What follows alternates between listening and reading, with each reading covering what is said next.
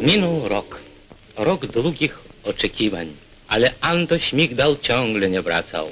A jego żona, młoda góralka Jagna, tęskniła żałośnie. Tego ranka siedziała nad kolyską swojego dzieciątka, które jakby z żalu cicho plakało. Cicho plakało. Plakało. Ach, jak plakało.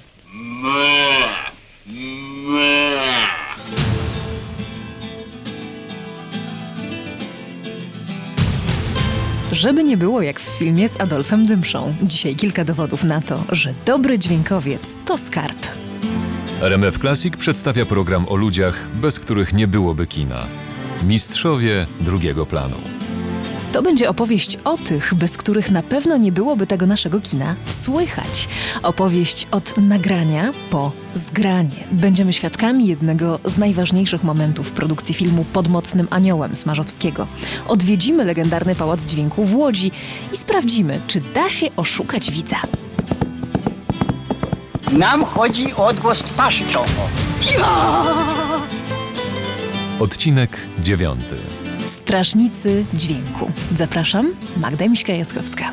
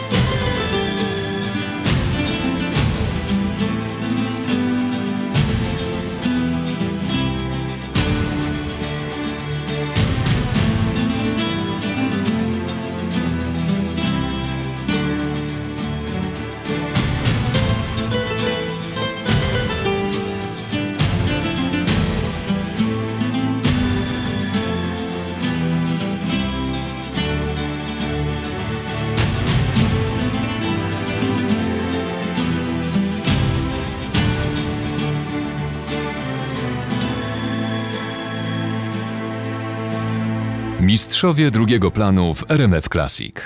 Wszystko, co chcielibyście wiedzieć o polskim filmie, ale nie mieliście kogo zapytać. Mówi aktorka Agata Kulesza. Ja w ogóle patrzę z wielkim zachwytem na tych ludzi, dlatego że e, myślimy o dźwięku w filmie i nie wyobrażamy sobie, że przez 12 godzin ktoś stoi z tyczką i z mikrofonem i ma e, wyciągnięte do góry ręce. Potem ktoś ten dźwięk tygodniami czyści i montuje. Dogrywa szelesty, kroki, uderzenia. Wreszcie z wyczuciem zgrywa, by najmniejsze westchnienie i cisza mogły zagrać rolę główną. Praca nad dźwiękiem bywa dla widza kompletnie nieznana. Najlepiej widać to, kiedy po premierze specjaliści od dźwięku gratulują pięknej muzyki. Uwierzcie mi, nie można się bardziej pomylić. Jak zatem wygląda praca nad dźwiękiem w filmie? Zacznijmy od pracy na planie. Reżyser dźwięku Piotr Domaracki. Na planie rola operatora dźwięku, czy w nomenklaturze zachodniej mixer recording ogranicza się do wielośladowej rejestracji no, wszystkiego, co może się później w filmie przydać. Prośba cisza. Łączyć! Proszę, akcja! Odłożenie filiżanki na stole to są dźwięki, które istnieją w filmie, a z których nie do końca widz zdaje sobie sprawę, bo wydają się zupełnie naturalne. Dodaje Katarzyna Dzida-Hamela, pokazując nam, czym przyjeżdżają na plan mistrzowie dźwięku. To jest cały duży samochód sprzętu, rzeczywiście. Wielka konsoletta, na której decydujemy o tym, co słyszy reżyser. Taki mózg tego samochodu dźwiękowego, oprócz oczywiście reżysera dźwięku, z którego te sygnały są wysyłane w różne miejsca i między innymi w rekorder, którego chronimy jak oka w głowie. To jest bardzo prosta skrzyneczka portatywna, która właśnie jest odporna na wszelkiego rodzaju zmiany temperatur, wilgotności itd. Znam nawet sytuację, w której on się topił i działa. Jeszcze przed rozpoczęciem produkcji trzeba ustalić wszystko, co wiąże się z techniką i sposobami nagrywania dźwięku, a próby pokazują, czy te wybory były dobre. To właściwie jest taki moment, w którym trzeba zadecydować, w jaki sposób e, dokonać tego nagrania dźwiękowo. Aktorzy zostają po tych próbach zostają przebierani w stroje, w których będą e, występować w tych scenach. Spotykamy się z nimi, oglądamy te stroje i patrzymy, czy to stanowi dla nas jakąś przeszkodę w realizacji. Czy one szeleszczą, tak? Czy one wydają jakiś dźwięk? To oczywiście dotyczy również butów, które są stukające głośne, szpilek, pań chodzących w szpilkach i grających w scenie. Pani lekarka, z którą układaliśmy klocki, powiedziała, że jestem rośliną. Przecież jego mózg nie pracuje, nie widzi pani? To jest roślina. Ale rośliny nie bawią się klockami. Chce się żyć. Rok 2013. Reżyseria Maciej Pieprzyca. Trudności jest ich mnóstwo.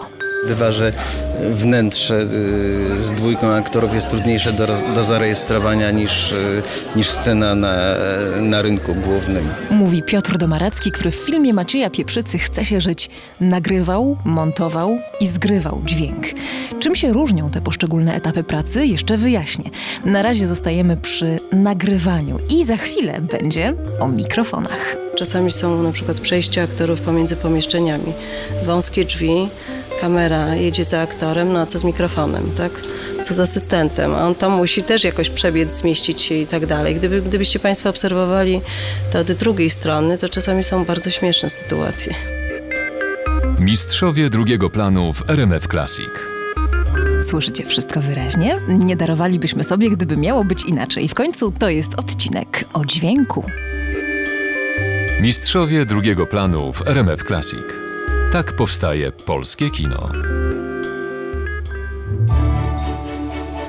Mikrofony mamy różne, Mówi realizator dźwięku Piotr Domaracki. tradycyjne mikrofony na tyczkach. y, Teraz bardzo często się stosuje mm, mikrofony tak zwane krawatowe, a inaczej nazywane mikroportami, które y, gdzieś się ukrywa na, na ciele aktora pod ubraniem. Dźwięk nagrany metodą mikrofonową wyróżnia się spośród wszelkich, wszelkich produkcji pod względem jakości tego dźwięku, barwy, dynamiki.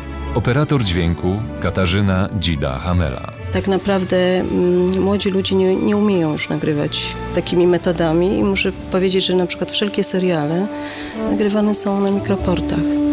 Państwo słyszycie to w telewizji, więc y, to jest bardzo bliski dźwięk bez przestrzeni dźwiękowej, bardzo wyrazisty, owszem, ale pozbawiony akustyki wnętrz pomieszczeń, tego co y, właściwie ja bardzo cenię w, w tych nagraniach setkowych. Setki. Zdjęcia tak zwane 100%. Oryginalne nagrania z planów dialogów i efektów, które mają być użyte w całości w filmie bez dodatkowego opracowania. Piotra Domarackiego, który odpowiadał za dźwięk w takich filmach jak Zakochany Anioł czy Obława, spotykamy teraz na planie Pani z przedszkola w reżyserii Marcina Krzyształowicza z Agatą Kuleszą i Adamem Woronowiczem w rolach głównych. I proszę, akcja! A ile takich mikrofonów potrzeba, żeby nagrać no, na przykład taką scenę dużą, ba- bankietową, dancingową, jaką teraz kręcimy? Y, W tej chwili do pierwszego ujęcia jest jeden mikrofon na tyczce, jeden e, mikrofon, który ma Adam Woronowicz, bo, bo w tym pierwszym ujęciu tylko on ma jedno zdanie do powiedzenia i mikrofon stereofoniczny, który stoi na statywie i nagrywa tak zwane tło akustyczne. I pan, pan siedzi tutaj sprawdzając, czy wszystko słychać, ale ważne jest też, żeby was, dźwiękowców, nie było widać. W ogóle najlepiej w filmie jest, żeby widz nie miał wrażenia, że, że to jest y, opowieść przygotowana dla widza, tylko żeby, żeby mógł w tą opowieść wejść. Okej, dobra, dubelek. Staram się jednak i walczę o to zawsze na planie, żeby nagrywać metodą mikrofonową. Właściwie sukces tego nagrania również polega na doborze swoich współpracowników, ponieważ oni muszą się doskonale orientować w tym, y, co aktor mówi. Również uczestniczą w tych próbach. Często znają ich rolę na pamięć. Bardzo istotny jest sposób prowadzenia tego mikrofonu nad aktorem nie za aktorem, nie obok aktora, tylko właśnie dokładnie wyczuwanie odległości nad aktorem, czyli granicy kadru, gdzie można się tym mikrofonem, do ile można się zbliżyć. To są bardzo precyzyjne, czasami milimetrowe, centymetrowe ruchy i tak naprawdę y, to już jest połowa sukcesu. Właśnie taki bardzo dobry asystent z y, doświadczeniem, z wyczuciem ty, tych różnych y, planowych róż, sytuacji, zagrożeń. To jest bardzo ważne. Zdradza kulisy pracy nad dźwiękiem w filmie Katarzyna Dzida-Hamela, która razem z Jackiem Hamelą tworzy jeden z najlepszych filmowych duetów. Pracują nad dźwiękiem w filmie od początku do końca. Ta droga naprawdę jest długa, choć piękna. O Jacku Hameli opowiedzą za chwilę Jan Jakubkolski, Andrzej Jakimowski i Wojciech Smarzowski. Jacek jest bezszelestny i to bardzo ważna zaleta, jeżeli chodzi o pracę autora dźwięku, dźwiękowca. Mistrzowie drugiego planu. RMF Classic za kulisami polskich produkcji filmowych. Dzisiaj podsłuchujemy, jak pracują przy filmach mistrzowie dźwięku i co mówią o swoich mistrzach reżyserzy. Takim wielkim odkryciem e, od ostatniego filmu jest Jacek Hamela, który niezwykle dużo serca włożył w ten film i swojego talentu. Andrzej Jakimowski. I ten film ma taki, a nie inny kształt dzięki jego wyobraźni też. First imagine it, then it'll speak. And you'll hear it. Scenariuszu można określić, e, co widzowie będą słyszeć. Potem oczywiście na, na planie jest e, taki okres, kiedy wiele rzeczy się wywraca do góry nogami, bo to jest konieczne, bo w danych warunkach trzeba zrezygnować z błędnych e, decyzji, które były podjęte z powodu braku informacji. Często na miejscu się okazuje, że są jeszcze dodatkowe informacje albo yy, yy, okoliczności aktorzy wymagają tego, żeby zrobić zmianę. Andrzeja Jakimowskiego Imagine przyniósł Jackowi Hameli nagrodę na festiwalu w Gdyni. Podobnie jak kiedyś Jasminum Jana Jakuba Kolskiego przyniosło mu polską nagrodę filmową Orła. O swoim żołnierzu, którego zabiera zawsze na plan, mówi reżyser. Co robi zdrówko? Nic, To dlaczego masz okulary? nie mam. Przyniosłam ci kaczkę. Nie chcesz kaczki? Chcę, ona wszędzie sra. Kaczka to sra. A chlebek świeży jest? Jest. To śniadanko. No tak, Jacek od dawna, od paru filmów. No Jacek nie jest żołnierzem, to jest bardzo poważny oficer, super fachowiec y, na światowym poziomie. Poczytuję sobie za y, zaszczyt możliwość współpracy z nim. Ta obróbka finalna dźwięku, ona się dokonuje w montażowni Jacka.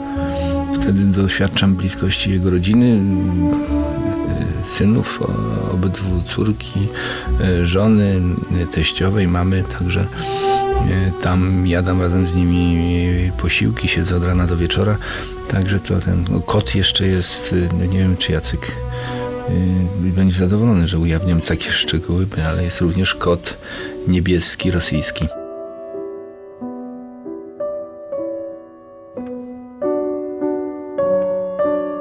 O montażu i zgrywaniu dźwięków w filmie opowiem Wam za chwilę, a teraz posłuchamy kina. Tak brzmiał Biały Kieślowskiego z muzyką Zbigniewa Preisnera. Od kiedy w polskim kinie mamy dźwięk? Nie mam zielonego pojęcia, proszę pana. W kinie nie byłem chyba z 20 lat. RMF Classic prezentuje Mistrzowie drugiego planu. Kiedy w polskim kinie pojawił się dźwięk? W XX wieku, koło roku 26, 1926. 1930? Na pewno przed 1900 rokiem. Tak myślę. A nie, bo ja może pomyślałam o niemym kinie. Nie mogę tego powiedzieć, bo byłam młoda, no to tak jeździłam po tych różnych miejscach. Po różnych wioskach to telewizorów nie było, tylko radia były. Coś sobie przypominam, bo coś to czytałam już chwileczkę. Ja bym strzeliła jakiś 49. 46. W polskim filmie dźwięk. Pani Ćwiklińska, 30 lata. Moment, myślę. Wie pan co, szczerze powiedziawszy, to nie wiem, ale to może być z 50 lat temu, 100. Dawno temu. A dokładnie w 1930 roku wszystkie znane mi źródła informują, że pierwszym polskim filmem z dźwiękiem była Moralność Pani Dulskiej, której fragmentów z uwagi na wrażliwe uszy współczesnego widza i słuchacza nie zdecydujemy się zaprezentować. Ale zapraszam Was tam, gdzie rodziło się polskie kino, także jego dźwięk i gdzie do dzisiaj, mimo iż wytwórnia w tym miejscu już nie działa, nadal pracują znakomici specjaliści od dźwięków w filmie.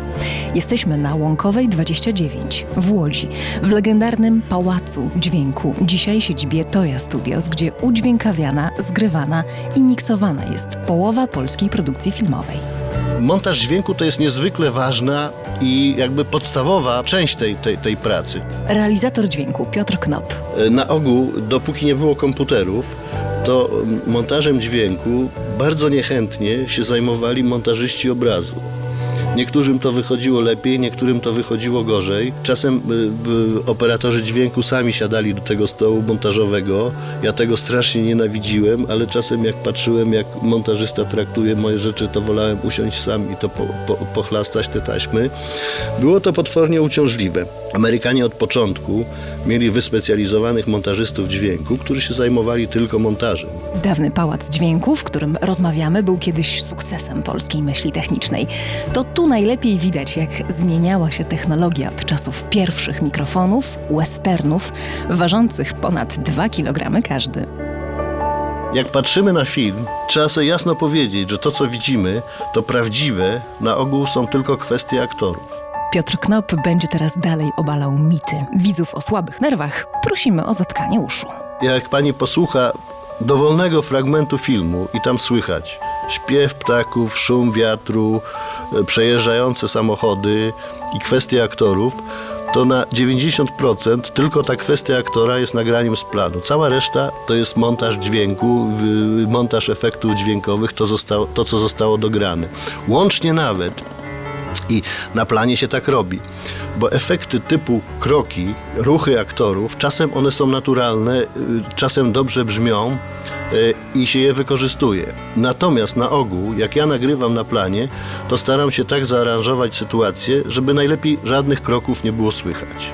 Do tego dochodzą jeszcze dźwięki nagrane, a niechciane jest ich cała masa, bo przecież na planie nie można wyłączyć i uciszyć świata tylko dlatego, że ktoś w pobliżu robi film. Te dźwięki niepożądane również w pewnym sensie współistnieją z dialogiem, który chcemy, żeby pozostał. Tak? No i w tym właśnie nasza głowa i, i taki, taki yy, warsztat i właściwie taka rzemieślnicza. To jest bardzo rzemieślnicza praca, bardzo żmudna, ale zdarzały się sytuacje, to akurat yy, zasłyszana, zasłyszana sytuacja, ale yy, właśnie w filmie Jana Jakuba Kolskiego, yy, w którym właśnie w filmie Jasminum wybrał y, obiekt zdjęciowy, bardzo piękny, w którym pięknie yy, przypadkowo dzwoniły małe szybki witrażykowe w witrażach w takim krużganku wtedy, kiedy y, pojawił się lekki wiatr na zewnątrz i to był tak piękny dźwięk, który się Jankowi bardzo spodobał. Proszę sobie wyobrazić, że na okres zdjęciowy te szybki były wytłumiane, ale potem zrealizowaliśmy specjalne nagranie, w którym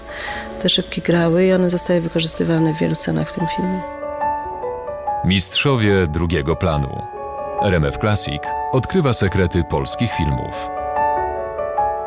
To wy pomyślcie teraz, jak wyczarowalibyście odgłos kroków na śniegu, a ja wam zagram pogodę na jutro, a potem będzie spotkanie z mistrzem, który nie znosi udawania, Henrykiem Zastróżnym. Dzisiaj każdy myśli, że w komputerze się zrobi wszystko, no ale to nie jest tak. Ktoś mi zawsze zadaje pytanie, a to przeważnie y, młodzi ludzie, którzy nawet nie, nie pracują w zawodzie i stwierdzają, że kiedyś film y, lepiej był udźwiękawiany przy gorszym sprzęcie, przy gorszej technologii niż dzisiaj. I rzeczywiście tak jest. Ale nie wtedy, kiedy on odpowiada za efekty dźwiękowe. Mistrzowie drugiego planu z dumą prezentują gościa wyjątkowego. Przed laty związanego z łódzką wytwórnią filmową, teraz Stoja Studios. Oto legendarny imitator dźwięku, Henryk Zastróżny. W Polsce mało kto potrafi zrobić kroki, prawda? Kroki to jest taki... On jest mistrzem kroków. No ponoć, a zwłaszcza damskich kroków. Ta, ta, ta, teraz nie żartuję, bo mówię, kobiety chodzą różnie w szpileczkach, prawda? To, to jest magia dźwięku, jak, jak idzie wyeksponowana kobieta, która idzie w szpilkach i po marmurze. To naprawdę jest najtrudniejsze. Taki mój nauczyciel, były Zygmunt Nowak, niestety nie żyjący. Legendarna postać tutaj łódzkiej wytwórni. Powiedział zawsze mi tak, jedną tajemnicę. He, nie mówi. Wszystko resztę, postawić szklankę, trzasnąć drzwiami, to każdy się nauczy. Ale kroków się nikt nie nauczy, to trzeba mieć talent. Zygmunt Nowak mógłby wam opowiedzieć, jak szczekał szarik, jak brzmiał dom i jak płynęło nad Niemnem. A za nim Henryk Zastróżny powtarza, że w tym zawodzie trzeba szukać wzorów i jak najmniej udawać. Przecież jeżeli robię y, na przykład y, tak jak do ogniem mieczem y, ten, ten koni po błocie. Konie się w błoto przewracam, więc ja muszę taką scenerię zrobić w studio. I to nie to, że jest tam położona szmatka, tylko musi mieć to, to tak mniej więcej głębokość tego błota, dosyć głęboka, żeby to nie było powierzchowne jakieś, tylko ma być to naturalne. Więc jeżeli duży koń, który waży tam set kilo, wali się w takie błoto, więc to musi być ciężar, prawda? Musi być, ja nie uznaję udawania. Mistrzowie drugiego planu w RMF Classic. Słuchając filmu, zauważcie, jak pięknie brzmi i będzie miło panu Henrykowi, który specjalnie dla mistrzów drugiego planu zdradza, jak pracuje nad efektami, a zrobił ich setki tysięcy. Tylko ostatnio w filmach Mój rower, Mniejsze zło i Rewers.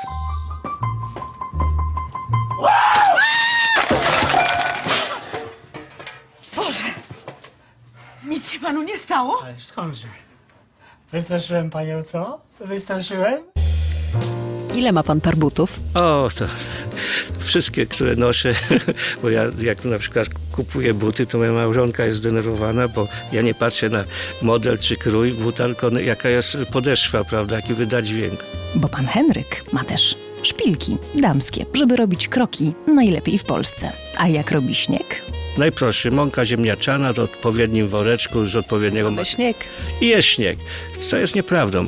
Ja do tego dodaję różne składniki, bo zależy, czy ten śnieg ma być głęboki, prawda, zmrożony, czy ma być y, y, jakiś taki, jak grudy są. Kokosem rozumiem, A, że to kokos ten, jest- ten koni. No tak, to jest ten, ten koń. Ostatnich niezwykłych prac Henryka Zastróżnego warto wymienić na przykład dźwięk zamarzającego jeziora. I warto też dodać, że praca imitatora dźwięku to często praca bardzo ciężka fizycznie. Albo walkę bokserską trzeba. Przecież wszystkie ciosy, całą walkę i to synchronicznie trzeba zrobić na sobie. Mistrzowie drugiego planu, tacy jak pan Henryk. Każdy film traktują jak nową, osobną i wartą pracy przygodę. Dlatego nie tworzę własnej biblioteki dźwięków, mówi pan Henryk. Choć od dawna mógłbym. Na Łąkowej w Łodzi udźwiękawiał m.in. Ziemię obiecaną. Mistrzowie drugiego planu w RMF Classic. Wszystko, co chcielibyście wiedzieć o polskim filmie, ale nie mieliście kogo zapytać. Bo niby kogo? A ja odwiedziłam najważniejsze dźwiękowo miejsca w Polsce, m.in. Toya Studios w Łodzi, gdzie wysłuchałam opowieści o ostatnim etapie pracy nad dźwiękiem w filmie. Kiedyś i dziś. To, co my tutaj robimy, to się nazywa zgranie dźwięku. Realizator dźwięku Piotr Knop. To jest piękne polskie słowo. Rzadko się zdarza, że coś się tak ładnie po polsku nazywa, bo to się zwykle nazywa mixing, re-recording. Jak sobie przypomnę, na przełomie 70. i 80. lat ubiegłego wieku, jak zaczynałem tutaj pracę, to ta czynność się nazywała przegranie, co można tłumaczyć jako bezpośrednie tłumaczenie angielskiego słowa re-recording. Te, te nazewnictwo raczej pochodziło z niemieckiego, gdzie podobnie to było, ale po polsku brzmiało fatalnie, przegranie, co się kojarzy z jakąś klęską. A ponieważ film dosłownie leży przed nami, zerkamy okiem i uchem na nowoczesny komputer. Prosty film, y, w którym się nie zmieściliśmy w 192 śladach. Czyli tyle dźwięków mamy jednocześnie i możemy je montować jednym ruchem. Michał Kosterkiewicz, laureat Polskiej Nagrody Filmowej Orzeł za dźwięk do Małej Moskwy. My akurat tutaj mieliśmy dobry start, ponieważ jako pierwsi w Polsce My zaoku- właściwie kupiliśmy wystartowaliśmy z. Protosa. Trochę się z nas śmiali, ale... To znaczy, yy, znaczy Ale tak, jakoś- trzeba powiedzieć, że byliśmy prekursorami, którzy zaczynali od systemu jeszcze bardzo niedoskonałego. Czy zgranie odbywa się w czasie rzeczywistym? O, to byłoby... O nie. To, by, to byłoby Przeciętny film zgrywa się około 140 godzin. Przeciętny, tak, znaczy mówimy o takim uczciwym zgraniu, nie takim, że nie, przychodzi producent i mówi, że nie mam czasu i musicie zrobić w 3 dni. Z czym kojarzy się Wam dobry dźwięk? Z wyraźnym hałasem? Najlepsi rzeźbią dla Was nawet ciszę, jak w tym filmie. No na przykład papusza. Nie, niedoceniony jest ten dźwięk. Wbrew pozorom w tym filmie jest bardzo mało muzyki, Natomiast jest bardzo dużo bardzo wysmakowanych dźwięków. Nie tylko, y, nie tylko głośnych, hałaśliwych, efektownych. Tam są dopracowane cisze. Są takie sceny, które są naprawdę bardzo ciche i uświadamiają nam y, jakby na czym to polega, że potrafimy od ciszy przejść do, do y, bardzo głośnych, y, spektakularnych dźwięków i no, ten dźwięk powstawał naprawdę bardzo długo, o wiele dłużej niż to było zaplanowane przez producenta. Prośba cisza! Łączyć! Proszę, akcja! Na zgranie filmu zaprosili nas twórcy pod mocnym aniołem. Wpadniecie? Umawiamy się dosłownie za kilka minut. Mistrzowie drugiego planu w RMF Classic. Zaprasza Magda Miśka-Jackowska. Dwa lata tyle zajęła Jackowi Hameli i jego ekipie praca nad dźwiękiem w filmie Wojciecha Smarzowskiego pod mocnym aniołem. Mistrzowie drugiego planu z mikrofonem RMF Classic towarzyszą filmowcom w zgraniu filmu w nowoczesnych Alvernia Studios pod Krakowem. Przyjeżdżamy tutaj. Wojciech Smarzowski. No, w tym przypadku do Alverni zgrywamy film, który już jest dźwiękowo przygotowany. To znaczy Jacek e, razem ze mną, ale głównie sam, e, wszystko precyzyjnie już e, ułożył, wyczyścił, podłożył efekty. Razem z Mikołajem Trzaską podłożyliśmy muzykę, czyli tak naprawdę ten film już był prawie zamknięty. Teraz tak naprawdę ustawiamy akcenty i proporcje. Jacek Hamela ten etap, na którym jesteśmy, on trochę przypomina, może może być porównany do takiej kuchni, w którym rzeczywiście wszystkie dania już są gotowe. Mm, my wiemy doskonale, co chcemy podać. Mamy doskonale zaplanowany ten wieczór. Z tym tylko, że no, musimy dopracować mankiecik u kelnera, jakiś element dekoracyjny, prawda? Ja się cieszę, że Wojtek rzeczywiście yy, tak słucha.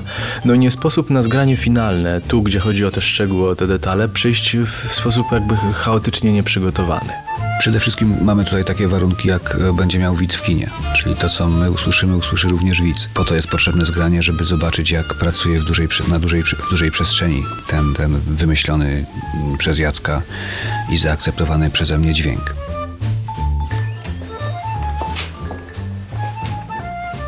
Litr premium, gorzka żołądkowa, cztery piwa całej mojej rozmowy z Wojciechem Smarzowskim i Jackiem Hamelą, pięknej opowieści o tym, jak powstaje i jak szlifuje się dźwięk w filmie, posłuchacie na www.rmfclassic.pl. Wystarczy wejść w zakładkę programu Mistrzowie drugiego planu. Rzeczywiście przeciętny widz być może nie zdaje sobie z tego sprawy, ale nie, ma, nie mam wątpliwości, że każdy widz czy mniej, czy bardziej wrażliwy, doskonale zdaje sobie sprawę z, no, z emocji, które przeżywa. Na samym końcu albo mu się to jakoś podoba, albo nie, albo identyfikuje się z naszym bohaterem, albo przeżywa tą historię. Mistrzowie drugiego planu. RMF Classic za kulisami polskich produkcji filmowych. My doskonale wiemy, że funkcje znaczeniowe dźwięku zależą od, od mikroróżnic często, które nazywamy decybelami, tam liczbami możemy tam e, przechwalać jakimś mniej lub bardziej komunikatywnym językiem, ale nie o to chodzi. Na samym końcu chodzi o to, żeby z tego strumienia i słowa, efektów dźwiękowych bocznych, synchronicznych, muzyki, ale także ciszy, napięć, sprowokować powstawanie komunikatu, który rzeczywiście odda emocje, o które nam chodzi. Uwagi, panowie wymieniają je niemal szeptem. Zostaną w Alvernia Studios kilka, kilkanaście dni, aby przygotować film do wielkiej premiery. To jest kropka nad i, ale muszę pani powiedzieć, że ta, ta, technologia, w której pracujemy, w której się po prostu już na świecie pracuje, ona daje możliwość poprawiania również jeszcze delikatnego korygowania make-upu tej Czego? Kropki. Ale czego? Możemy na przykład po takim zgraniu zupełnie bez śladu e, to oczywiście może rodzić rozmaite konsekwencje znaczeniowe, ale możemy wyzbyć się jakiejś muzyki możemy wyzbyć się jakiegoś tekstu mm, ofowego na przykład, jakiegoś tekstu od autorskiego komentarza, który wcześniej funkcjonował i wydawało się, że dobrze dla filmu, a my możemy go rzeczywiście bez żadnych szwów po prostu, ale nie tylko, to są korekcje poziomów, to jest uprzestrzenianie tego materiału, to jest właśnie prowokowanie rozmaitych takich sytuacji, które muszą ze sobą mm, zostać związane w taki sposób, by ten komunikat był rzeczywiście jasny i dla widza czytelny. Jak im poszło? Posłuchacie, e, to znaczy zobaczycie w kinie. Zostańcie na seansie do końca. Wielu bohaterów tego programu odnajdziecie na pewno w napisach końcowych. Wystąpili Agata Kulesza, Katarzyna Dzida-Hamela, Piotr Domaracki, Andrzej Jakimowski, Jan Jakub Kolski, Wojciech Smarzowski, Piotr Knop, Michał Kosterkiewicz, Jacek Hamela. Scenariusz, Magda Miśka-Jackowska. Filmowe definicje na podstawie słownika książki Organizacja Produkcji Filmu Fabularnego w Polsce Michała Zabłockiego. współpraca, Bartłomiej Sury. montaż, Michał Woźniak. muzyka, Michał Lorenz, Bartosz Hajdecki, Henryk Kuźniak, Zbigniew Preisner, Abel Korzeniowski, Włodek Pawlik, Wojciech Kilar, Jan Kandy Pawluśkiewicz. mistrzowie drugiego planu. Zobacz ich na www.rmfclassic.pl.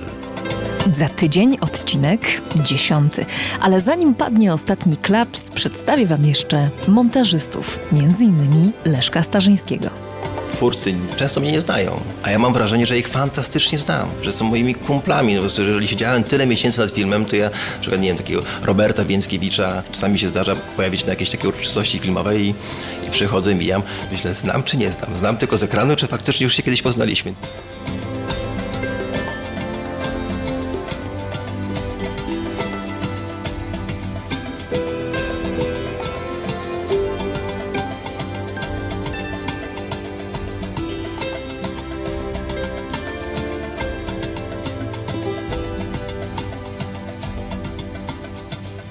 Reżyseria Magda Miśka-Jackowska. Czytał Piotr Borowiec.